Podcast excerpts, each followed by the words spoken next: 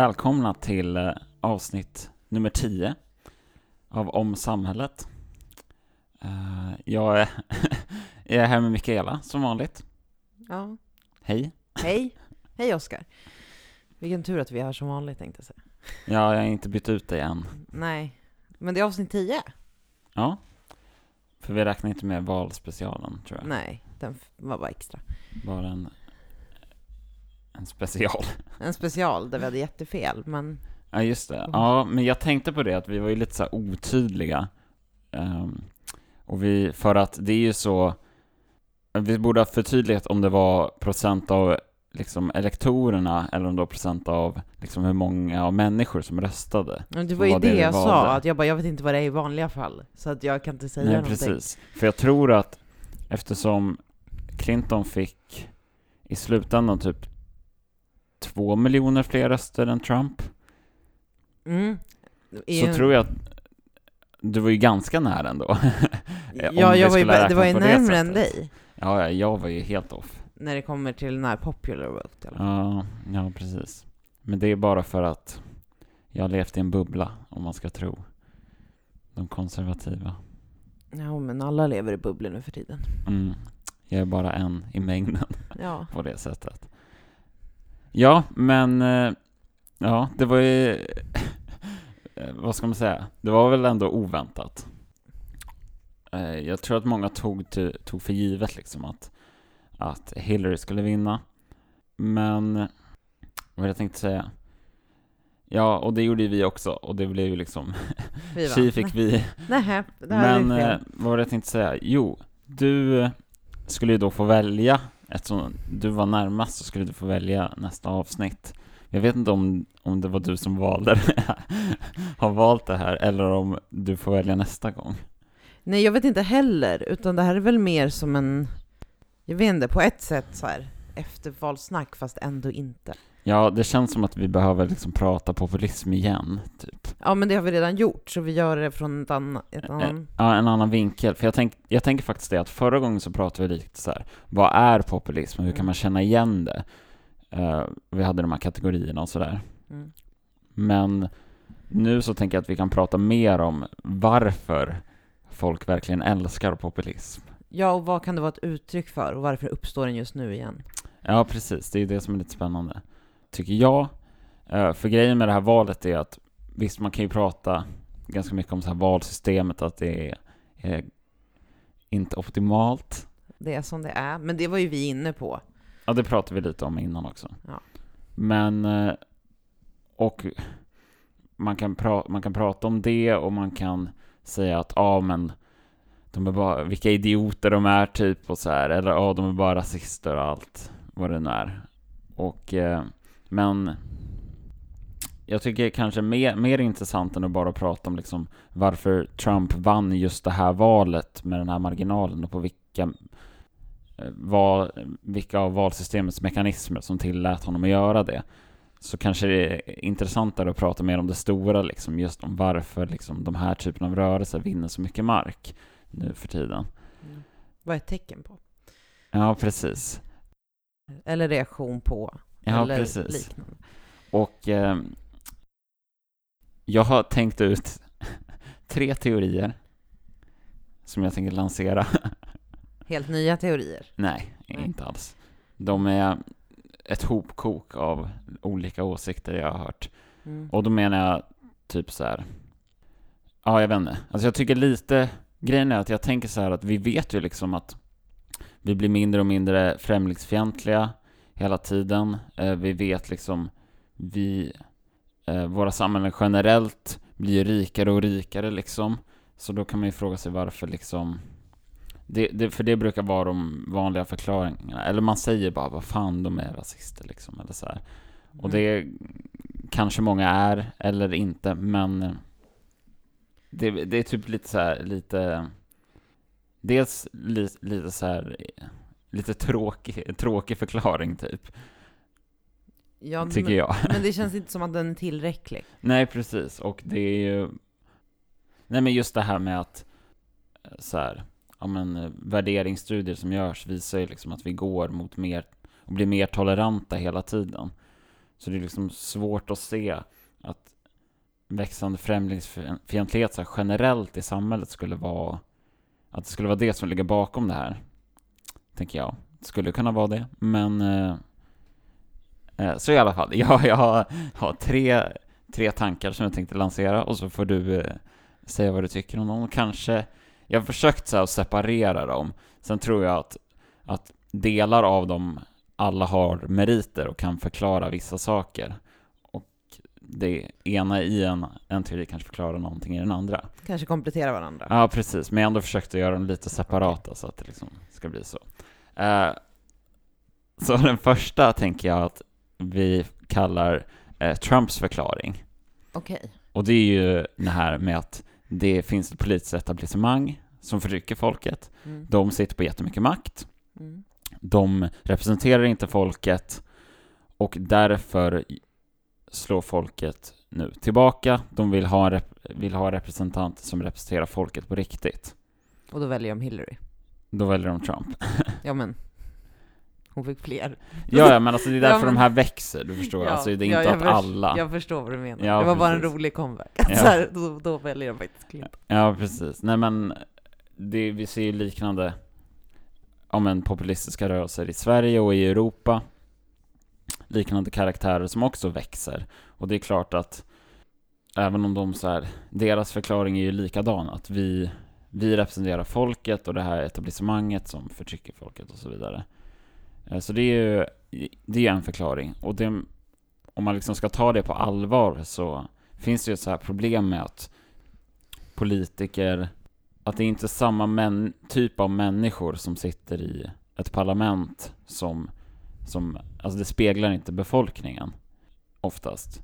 Särskilt om man tänker på saker som utbildningsnivå så vet vi det att i Sverige är typ nästan alla riksdagsledamöter är ganska högutbildade och snittet är mycket högre i parlamentet än vad det är i, eh, i liksom resten av befolkningen. Mm. Och det kan man ju säga att det är någonting bra. Och det, men oavsett om det är något eftersträvansbart eller inte så kanske det skapar en distans som man tycker att man, eh, de representerar inte mig för att de är bara så här där borta och den här politiska eliten typ. Ja men det blir så underligt då om man tar Sverige som ett exempel och om man då skulle ta SD som exemplet i Sverige mm. som får uttrycka den här populismen, så har ju de, är de lika utbildade som resten nästan. Ja, precis. Så att jag menar, det är väl bara att ta sin personval, man får klicka i där. Du måste, då är det ju någonting som saknas man inte fattar hur man gör. Eller? Låter jag förnedra nu? Jag blir, bara, jag blir lite irriterad. Lite, fast det är också så att vilka, vilka är det som är på de här listorna också? Det får man väl tänka. Ja men Eller? det är det jag menar, att det, det måste ju vara någonstans vilka är det som står på listorna. Och det kan jag förstå att där kanske det är, men då är det ju det man ska kritisera. Då får man ju kritisera sitt parti. Det blir konstigt på något vis att så här, kritisera någon form av så här sjok då. Eller så här alla. Det är så här, ja, men ta den kritiken och är det så, formulera den och säg det. Mm. Jag, jag, förstår liksom inte varför... Eller jag blir lite irriterad till sist, för jag säger är det det? Ja, men lös det. Säg att det är det ni kräver, precis som att kvinnor har stått och gapat att vi måste få plats på listorna jättelänge. Ja, men eh, jag tänker att det kan vara lite det här att man, vad ska man säga? Nej men att man känner, känner att det är det, att just det att de här politikerna har så mycket makt typ, och att eh, det är så lite typ jag kan göra själv. Och att därför måste vi liksom mobilisera oss eh, på det här sättet för att verkligen kunna bryta mm. den här strukturen. Jag, jag förstår ju tanken, men jag tycker ändå att det jag, jag, kan tänka mig att det är den bilden som målas upp. Jag tror inte att det är det som är verkligheten, utan jag tror att det är den, vad ska man säga, det narrativet som byggs upp och målas upp. Mm. Som blir en del av verklighetsbeskrivningen. Fast det egentligen på många ställen inte ens behöver vara så, utan att det faktiskt går att använda systemet som man verkar inom. Precis. Men det, det är väl en sån här grej också, typ, med eh, vad heter det, responsivitet. Att så här, i vilken grad överensstämmer, överensstämmer liksom eh, politikerna, vad de gör och med eh, folkets åsikter. Och då har, har vi det här klassiska exemplet i Sverige, att typ de flesta vill och har velat under ganska länge lång tid att man ska begränsa vinster i välfärden. Men en majoritet av politikerna tycker att det kan vi fortsätta med att ha vinster i välfärden. Så typ exempel att det är dålig eh, responsivitet liksom. Mm. Men ska vi börja köra med lotten då istället? Ja, det är väl det, så här, ska man... Bara lotta då, då får man jätte, Men då får man jättebra representation. Ja, men jag tänker att det kanske vore bra att köra det på typ kommunnivå, så får folk en insikt om vad det är som krävs, även om jag tror att, alltså jag har inte jättestor sympati för politiker eller så här, åh, de gör ett så bra jobb, utan jag, det går självklart att kritisera det, men jag tror att folk har en förenklad bild av hur det är att styra en kommun, ett landsting mm. eller ett land utifrån demokratiska principer. Och att det är inte så enkelt som att det bara är att stå och säga någonting, för det behövs en process som är lite komplicerad för att det ska vara demokratiskt. Ja, precis. Och det är lite det här att vi vill ha det här nu. Och så skriker man för det och så förstår man inte att det krävs den här processen, för annars är det inte demokratiskt. Då tummar vi på det. I ett fall så kan vi tumma för det i andra fall, när det inte är lika bra. Och jag tror att det bara krävs en insikt. Få mm. mycket studiebesök. Ja, precis.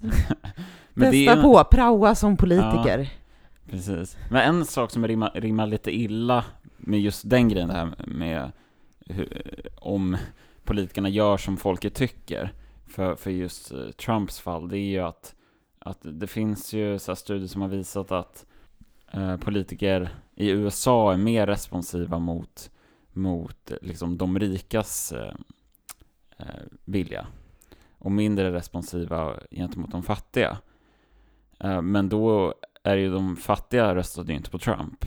Nej, det är det jag tänkte på också. på det sättet så rimmar det ju lite, lite illa med det. Att det kanske är så att det inte riktigt är så i men, verkligheten, även om det är den bilden de har målat upp. Ja, det är det jag menar, att det är, bilden, det är det här narrativet. Och jag tror att vi kan komma tillbaka till det, att det är den här berättelsen som på ett sätt speglar, det behöver inte Det finns korn av sanning. Det finns korn av sanning som man har plockat upp, men så gör man det till huvudstoryn. Och som i det här fallet, är så här, men vems... Vem är det man inte lyssnar på? Det är det, vem, vem är det man inte lyssnar på i det här fallet? Det tycker jag är en bra fråga att ställa sig i det här fallet. För att, ja som sagt, som vi såg det så var det ju verkligen en låginkomst inkomsttagarna, de som tjänar allra minst i USA, röstade ju faktiskt inte på Trump. Nej, Vilket är en del av den här bilden som, att de faktiskt skulle göra det, är ju en del av den här bilden. Utan det var ju medelklass. Ja, precis. Men det, det ja, precis. Det är ju deras bild. Ja. Deras story. Precis. Kanske. Mm. Ja, men uh, okej. Okay. Det, var, det var den. Mm, det. Trumps förklaring. Trumps förklaring, ja. Ja, precis. Okej, okay, så uh, ja, vad ska man säga, det finns väl vissa bitar som är så här, man, man förstår lite var de kommer ifrån. Och man kan ju, det finns ju vissa problem eh, som liksom tyder på, eller vad ska man säga, det finns ju vissa problem som man kan kritisera eh, med typ det politiska systemet eller hur det ser ut och sådär. Utan att vilja rösta fram liksom, en populist. Ja. Faktiskt.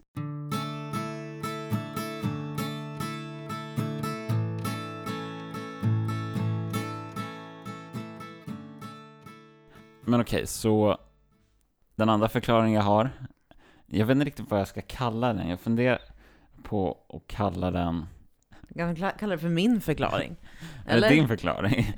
Var det inte det här jag pratade om? Uh, ja, men, jo, men det hängde lite, lite ihop med det, det som du föreslog. Uh, men och, basic-idén att, uh, okej, okay, så är den här förklaringen så är inte eliten politisk, utan det är en ekonomisk elit. Eh, eller vad man ska säga. Ja, elit kanske låter lite... Ja. ja. Men okej, okay, en ekonomisk, ekonomisk eh, elit i alla fall. Och poängen, poängen här är då att nationella regeringar har, får mindre och mindre makt för att liksom stora företag, internationella företag, får mer och mer makt i en global värld.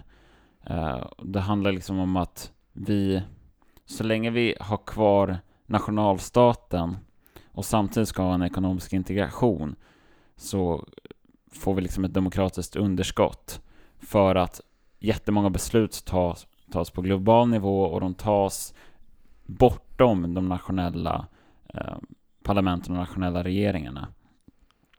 Så att folkligt inflytande, där de absolut viktigaste besluten tas, så finns det inte det där folkliga inflytandet. Och det här leder till att ja, de här nationella styrena blir liksom mindre handlingskraftiga, eh, så de kan inte göra det som folket vill att de ska göra.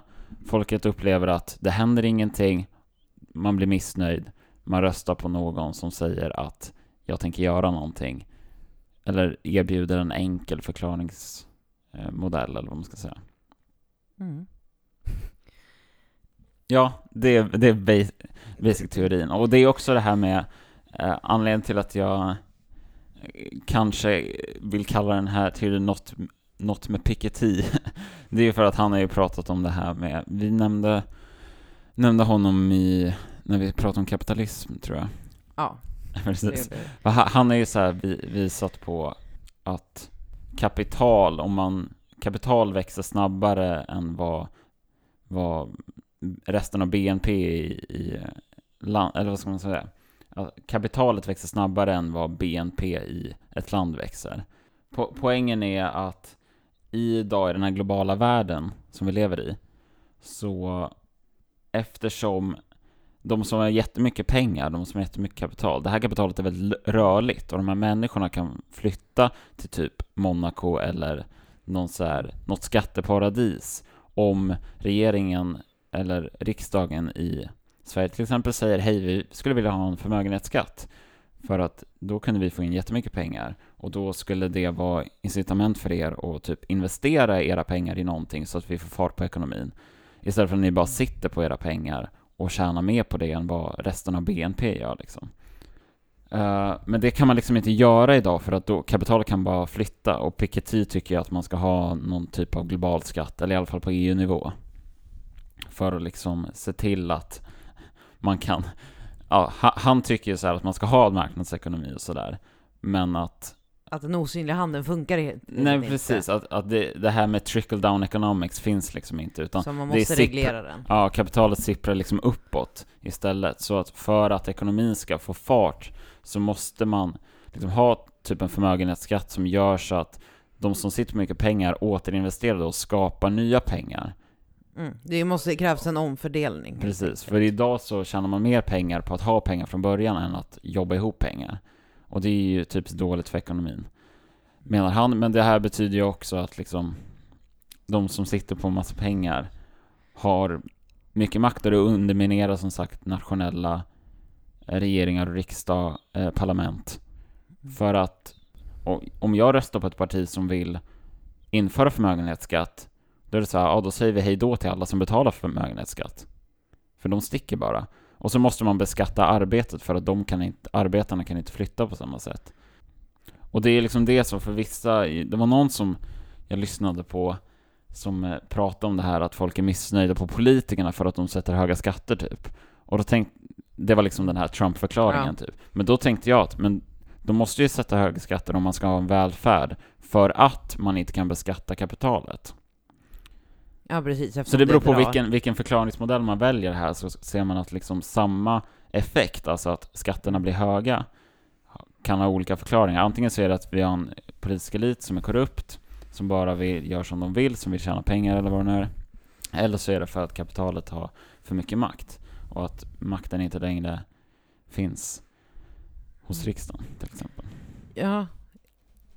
Och, Vad tycker du om den förklaringen? Ja, alltså den är ju väldigt så ingående och jag tycker på ett sätt att den förklarar ju just det här att det blir en, att man kan bli, eller att regeringar och nationalstatens styre kan bli handlingsförlamat i de här frågorna Mm. när det kommer till ekonomi. Men jag tror också att, jag tror att man kan liksom plutta in mycket på ekonomins plats som också kan göra, bidra till förklaringen.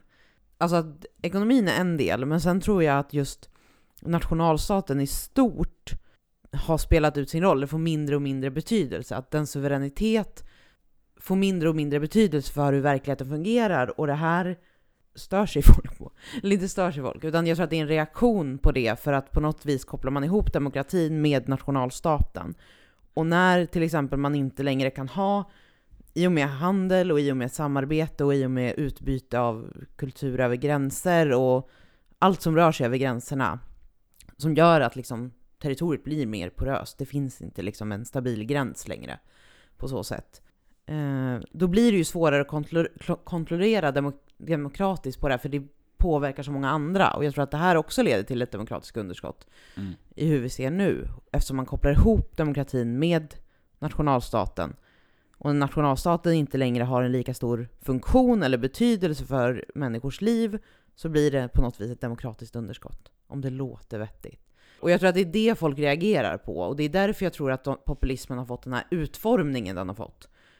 Att den populismen vi ser går ju väldigt mycket i en Statscentristisk Ja, och så- isola... Vad heter det? Alltså, isolationistisk, alltså att, oj, vilka fina ord vi var. ja, isolationistisk och statscentrism. Ja men att den, den vill ju bevara, den syftar ju till att bevara nationalstaten. ja, precis. Vi ser det, att vi måste bevara nationalstaten, vi måste bevara Sverige. Och det är ett uttryck för välfärdsstaten, och jag tror att det här är det som är ett liksom skifte. Jag tror att det här är en reaktion på liksom det här skiftet, att vi kan inte stå och stampa som vi gör nu. Och vi kan inte gå tillbaka hur det var förut heller. Men vi har ju ingen bättre lösning än den vi har just nu. Och jag tror att det här liksom är en reaktion på, det här är de som vill gå tillbaka till hur det var förut. För det Precis. funkade ju i alla fall. Innan globaliseringen. Ja, innan globalisering, innan samarbete. Men då är det också det att, ja visst, man kan ju fokusera på ekonomin i så fall, men det är ju mycket annat som man undrar hur det skulle fungera. Det är mycket annat vi måste då säga upp också, för det har ju inte bara med den ekonomiska suveräniteten i ett land som utgör nationalstaten, utan det är ju massa andra delar. Mm. Men en annan lösning skulle ju kunna vara att ha en global demokrati. Ja. Och det känns ju jättelångt bort också. Ja, verkligen. Men en utopi, jag vet inte. Ja, men det, jag tror att det har att göra med att man måste både flytta upp och flytta ner makten.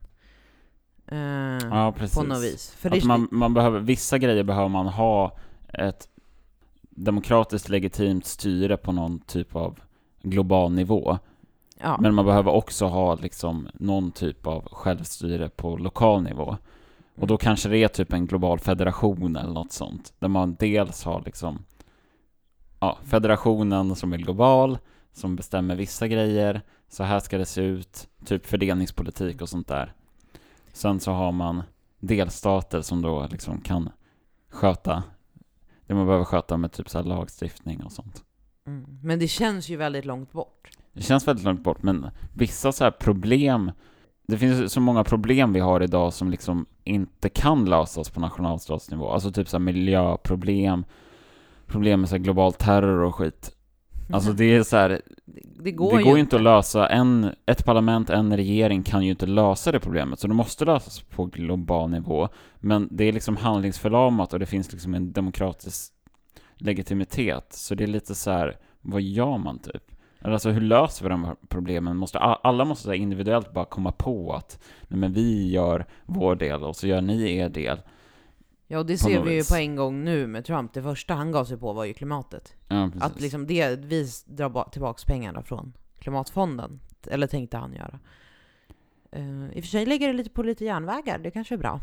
Mm, ja, precis. Han, Kan ju vara bra. Men det- man ser ju att då drar, liksom att det här, jag tror att de här är ett uttryck på globaliseringen tänkte jag säga. Nej men ett systemskifte i hur politiken styrs och har styrts, hur det internationella systemet har varit och demokrati i stort. Att jag tror att det här skiftet, det är en reaktion på det.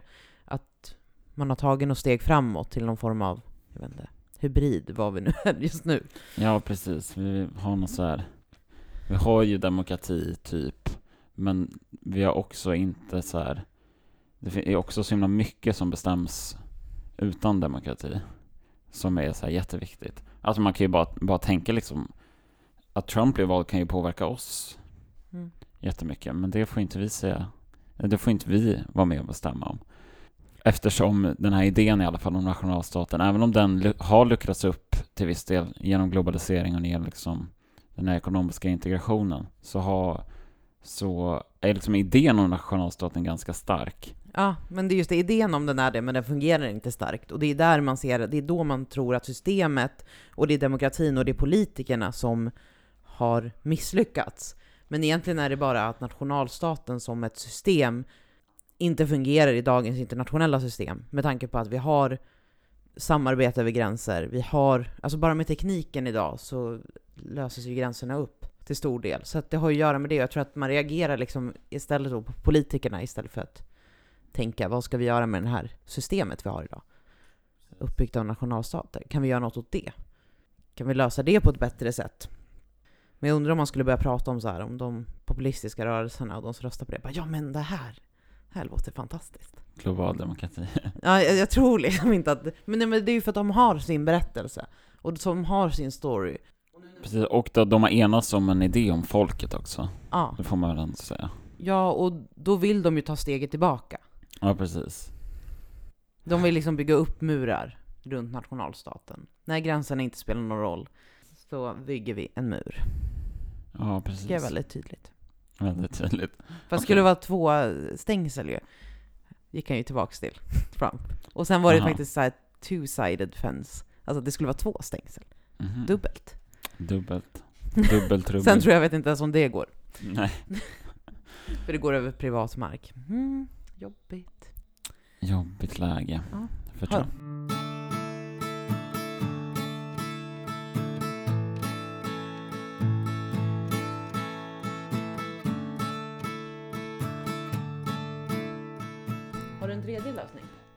Eh, oj, lösning. Nej, lösning. lösning. Har du en tredje teori? Jag har inga lösningar, jag har bara problem. Du har bara problem. Har du tredje problem? Ja, okej. Problem. Nej, men eh, teori nummer tre. Eh, den här kallar jag för kulturkriget. Vad är den här Clash of Civilization? Nej, Nej, det, okej. eller nej, nej det är det inte. Nej. Tror jag inte i alla fall. Nej, jag säger till.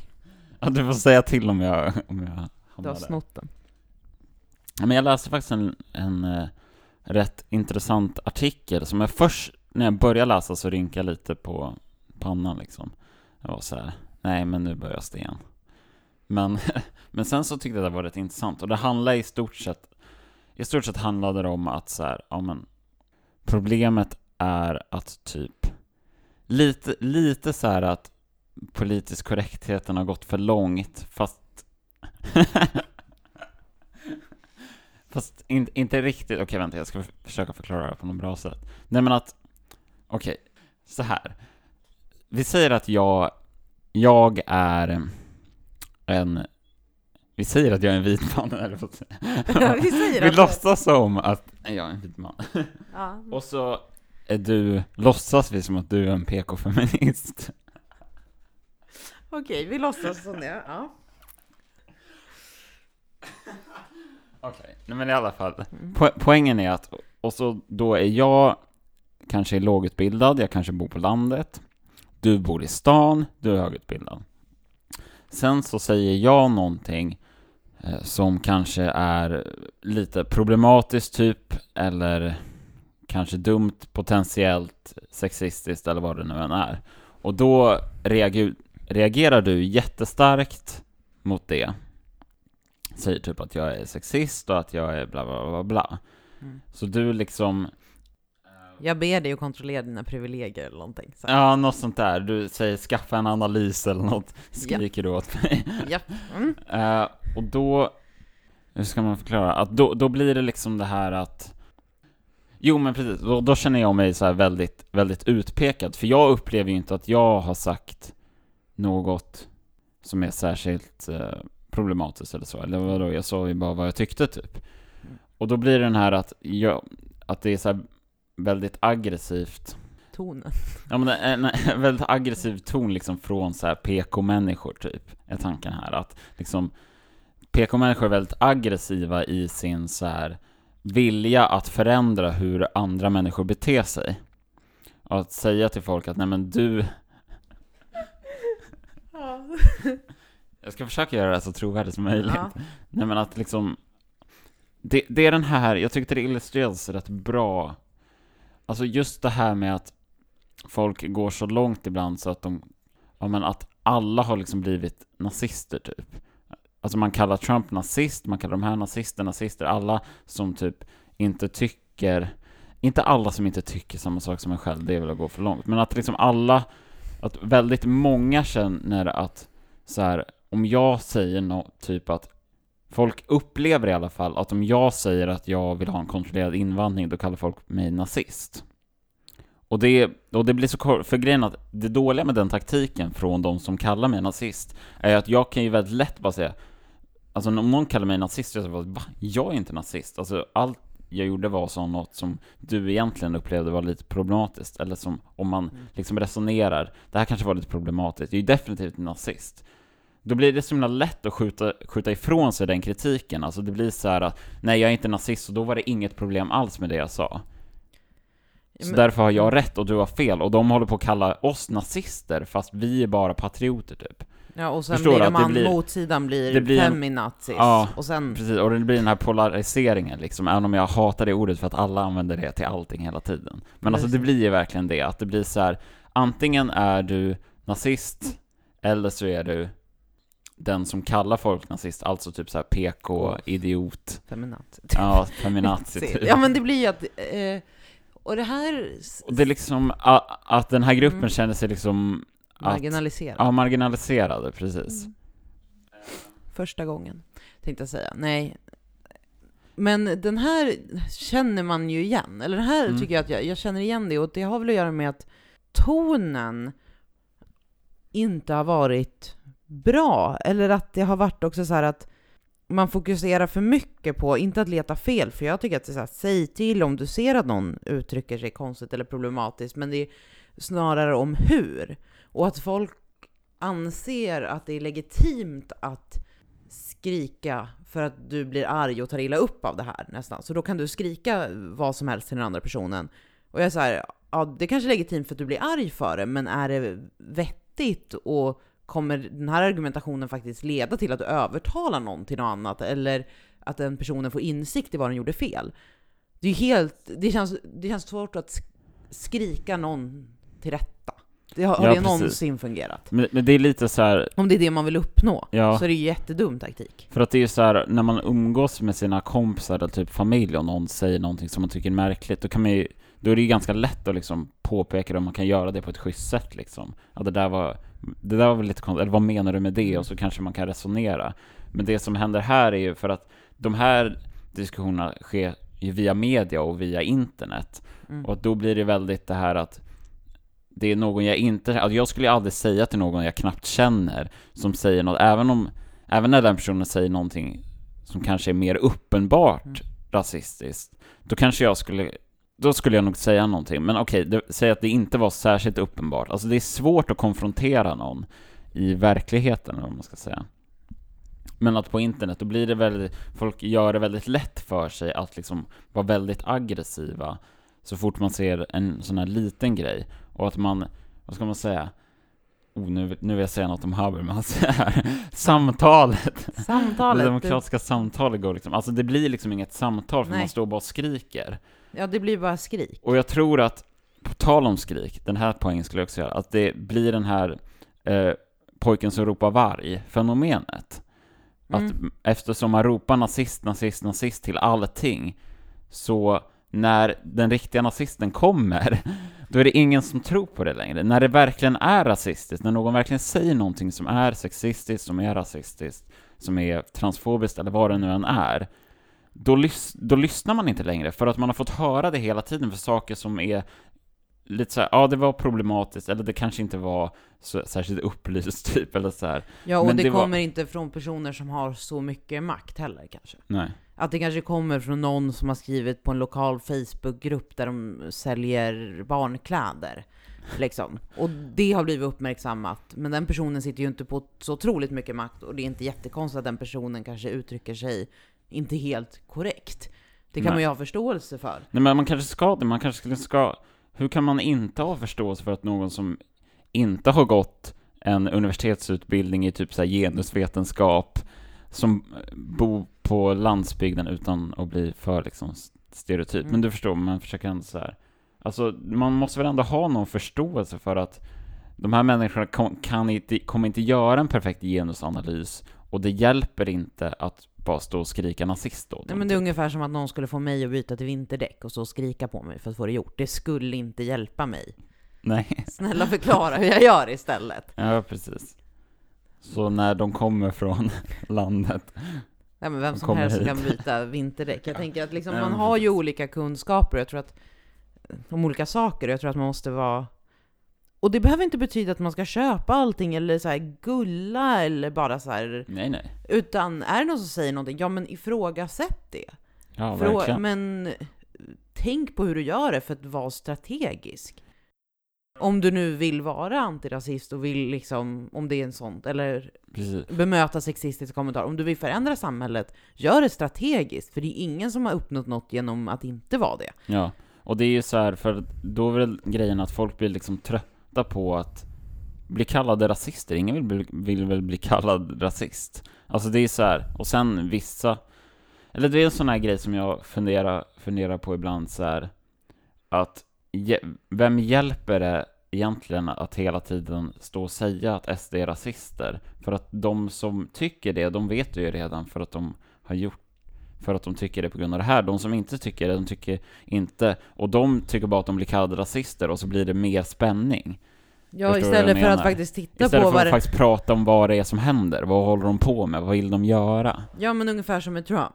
Att där är ju lite också att där kan man ju faktiskt fokusera då hellre på vad vill han faktiskt göra? Vad Mm. står han för? Vad säger han här? Men sen var det ju också, tror jag, att det var ju USAs första smak på den här formen av populistisk rörelse som har uppstått nu och de reagerar på samma sätt som alla andra länder gjorde i början.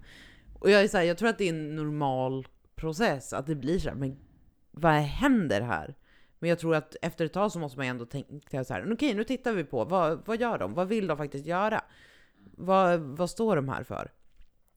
Men sen är det problemet när det går ihop med andra rörelser nu och att man ser att vissa saker får ännu större plats, som inte en, enbart är populism. Att de här populistiska rörelserna på ett sätt göder, eller liksom öppnar upp för andra typer av rörelser att ännu mer plats. Och det har man ju, mär- märkte man ju i Storbritannien under Brexit, hur samtalet förändrades kring vissa saker. Just det. Eh, Men- och likadant i Sverige. Att det är faktiskt så att det man uppmärksammar i början, ja det kan ha varit rasistiskt mycket väl. Men att mycket mer bara har normaliserats. Och att mycket mer går förbi och det man har att säga emot betyder ingenting längre. Nej, precis. Det är väl också där liksom, om man, ja, säger man rasist hela tiden, då spelar det liksom ingen... Då, lyssnar blir det ju man, bara typ ett skällsord ty- tyvärr. Typ. Ja, och det är väl lite det här, jag tänk, tänker på det, när Hillary kallar alla tr- Trump-väljare för den här basket of deplorables, och att de var rasister och sexister allihopa. Alltså det är, alltså oavsett om det är sant eller inte, de människorna vill inte höra det.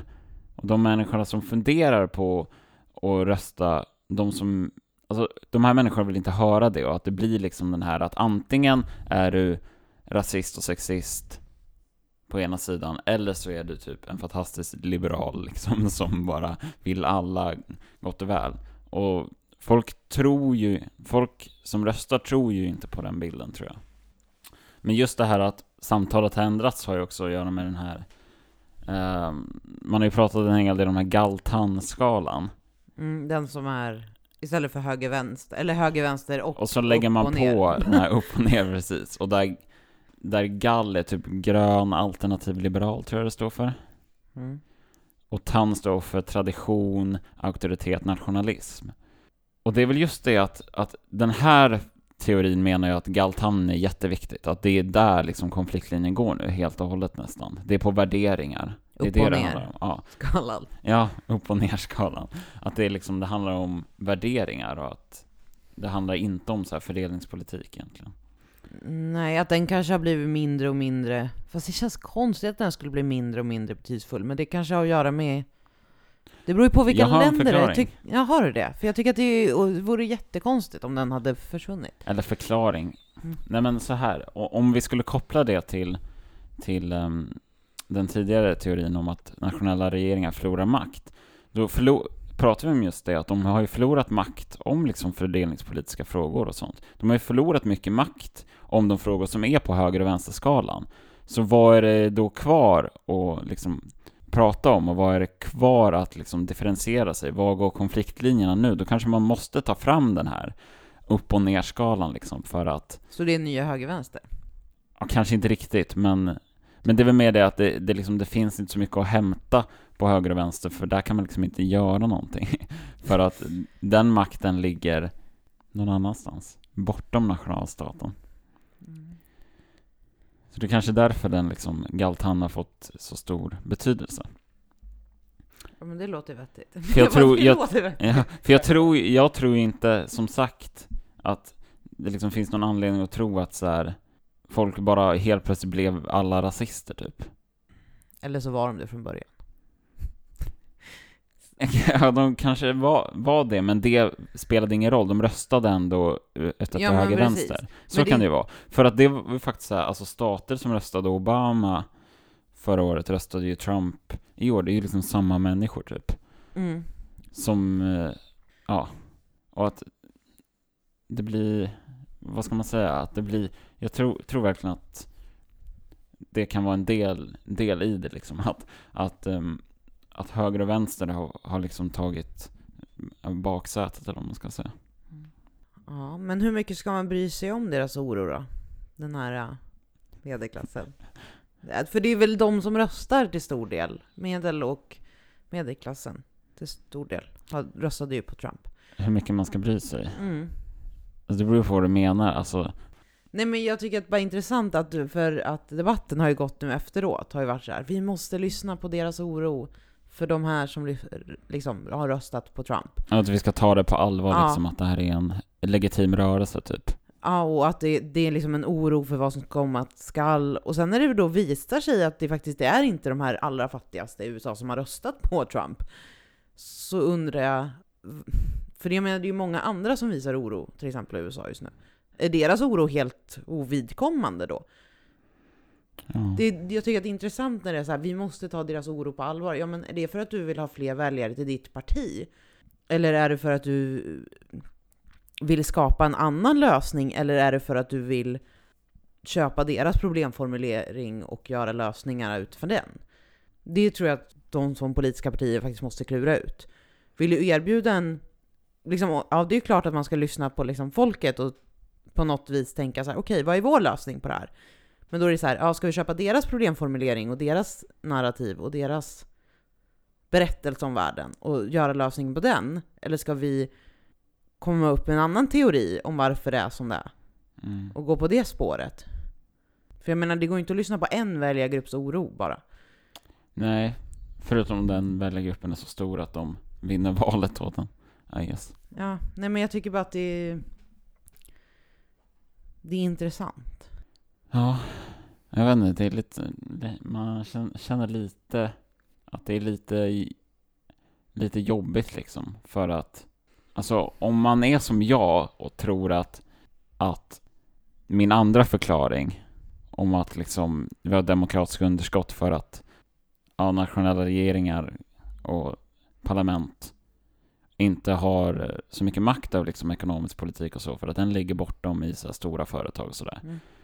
Eh, Då tror jag att den liksom har, på något sätt, tror jag att den har skapat de här två andra Ja förklaringarna. men det kan jag Alltså jag tror att det också. liksom är, det är den riktiga, det är det som händer i världen idag. Att, om jag skulle förklara liksom situationen i världen. Sen tror jag att det har lett till att folk upplever, och det kanske finns till viss del, men att man, att det- liksom förstärks den här idén om politikerna som är korrupta eller att de är att de inte lyssnar på Mm. oss eller att det är det här etablissemanget som förtrycker folket och det leder även till den här eh, den här ökade liksom galtan-debatten och att man liksom hela tiden måste prata värderingar. Ja för det är det enda så. som går att ha politik om. Ja men typ. Föra Alltså, vi kan bara ha kulturpolitik för att det är det enda som vi, mm, vi kan bestämma om på nationalstatsnivå typ. Alltså om man Ja, drar, så. om man hårdrar det väldigt mycket. Yay för framtiden. Ja men lite, lite så känner man ju. För, för att någonstans, problemet där är ju att om det nu är så att det är de, att det är de som liksom har kapital som bestämmer och de, och vi lever i en tid där de har den här makten också. Då, vem, vem är det som ska ändra på det här systemet? För det är ju om, det är ju som att de måste ändra på det. Varför skulle de vilja göra det? Det är de som tjänar pengarna. Ja, precis. Så jag, man undrar liksom var det ska komma ifrån. Var, var får man en förändring? Ja, men det är väl lite grann att de här två grupperna som står och skriker på varandra ska sluta skrika på varandra.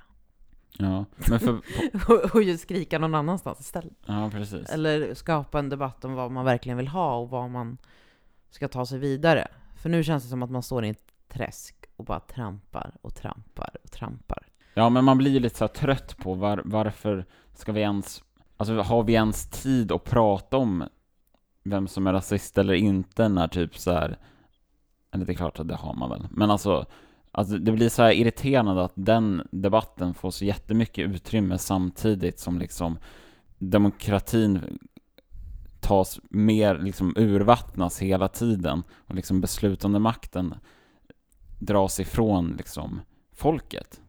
Eller folken, kanske man ska säga. Det gäller ju inte bara liksom. Nej men det är ett globalt fenomen och det är väl Det är väl lite där att det blir Ja, fan det är klurigt. Jag tror inte vi kommer hitta på någon lösning nu. Gör vi det så är det Förutom en, en revolution. Ja, nej, ja, revolution när vi tar Nej, det, Nej, jag ingen inte, revolution. Nej, jag tror inte det heller funkar. Jag tror att vi kör Demokrati är bra, vi kör på det, sluta skrik på varandra, bete er normalt och tänk efter och läs på. För jag tror liksom att det är, det är möjligt. Använd det politiska systemet istället för att bara klaga på det. Kolla vad du kan göra med det. Det finns säkert jättemånga bra YouTube-videos. Så här, så här skriver du in kandidater på listor. Just det. Men, ja, ja, jag känner, bara att man vill bry så svårt just det här med att ändra på system typ. Mm.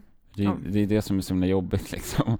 Ja men det är det, det- jag tror, jag tror inte att vi, jag tror inte att det förändrar, eller det behövs ju en aktiv kraft för att förändra det, men nu har liksom första steget tagits i att den då förändrar det, och då går det inte att gå tillbaka. Men det kanske är en sån här bra grej med att Trump vann, att då, då, då får vi ju se vad som händer när de här människorna kräver liksom sin förändring. Mm, kommer vi vi, lyssna på den, andras oro nu? Ja men ko- kommer det hända någonting? Kommer, eh, kommer vi liksom gå ännu längre in i den här mardrömmen? Ja men jag menar när Trump blir etablissemanget nu, Mm, som han känner att han inte har varit en del av, han själv har ju inte uppfattat sig som en del av det, men nu när han blir en del av det, så kan man ju se hur det kommer att förändra både väljarnas syn på det, men även om då den här, de här grupperna nu som är oroliga för vad som ska hända, med tanke på att han, han kommer bli president i januari. Kommer, vem kommer lyssna på de grupperna? Kommer deras, deras oro lika mycket värd att ta del av som de här Trump-rösterna var? Eller hur kommer det bli med dem?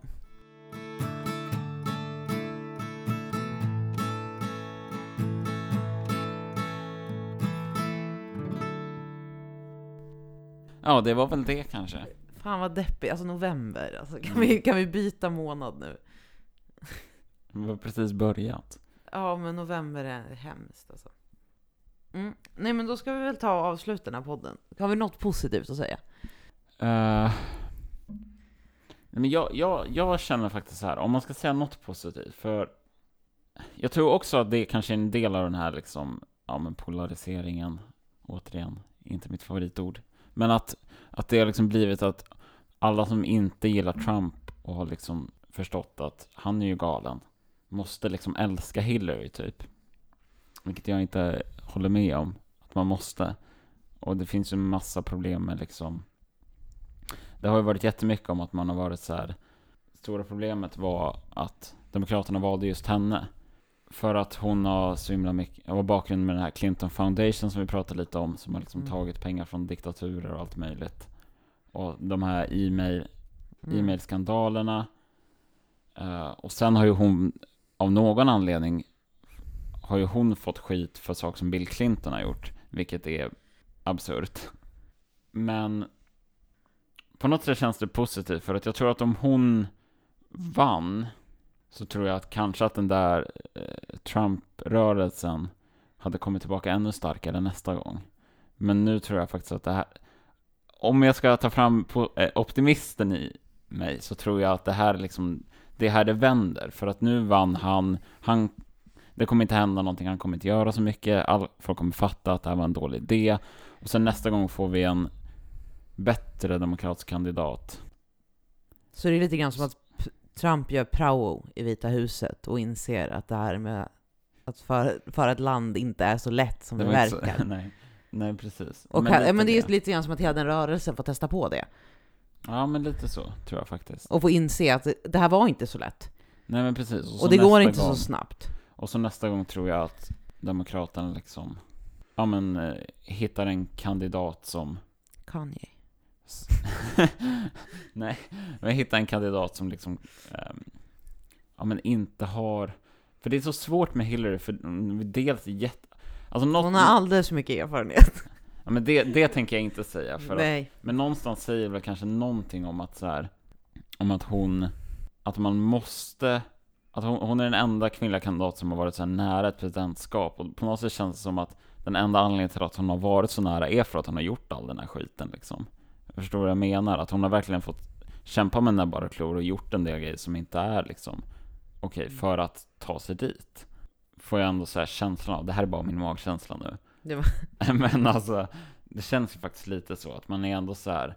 Ja men om Donald Trump kunde bara säga vi bygger en mur och så får han presidentskap medan hon har gått igenom så här.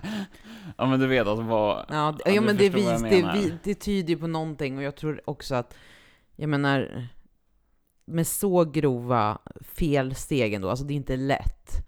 Men jag menar, Trump hade ju, har ju också gjort saker som inte heller är så vettiga, så att jag tror att, Nej, skillnaden är väl att just här, den här sagan, den här berättelsen som de berättar, mm, är ju att hon är en sån tydlig del av etablissemanget och hon har ju liksom bakgrund av just politisk korruption. ja men precis, att hon blir ju en del av den problematiskt. Trump men blir men en del... han är ju bara en sån här som är vilken kille som helst som är, vadå om man säger något sexistiskt? Som inte, fast det är inte sexistiskt. Återigen den här Galtan-debatten liksom, att nej men, eller Ja. att man känner sig utpekad. Ja men det är ju den här locker room talk. Ja. Det är boys will boys. Men sen också det här med hur Demokraterna typ riggade valet mot Bernie. Fan vad rörigt det var alltså. Jag, jag känner att jag bara så här, nej men 2016 var över. Ja men lite så, jävligt dåligt år. Men jag tycker att det var dåliga år överlag. Och just nu är det november och det är mörkt och klockan är, vad är den ens? Alltså den är halv sex och klockan känns som att det är tolv på natten. Alltså seriöst. Ingenting kan jag känna positivt nu, just nu.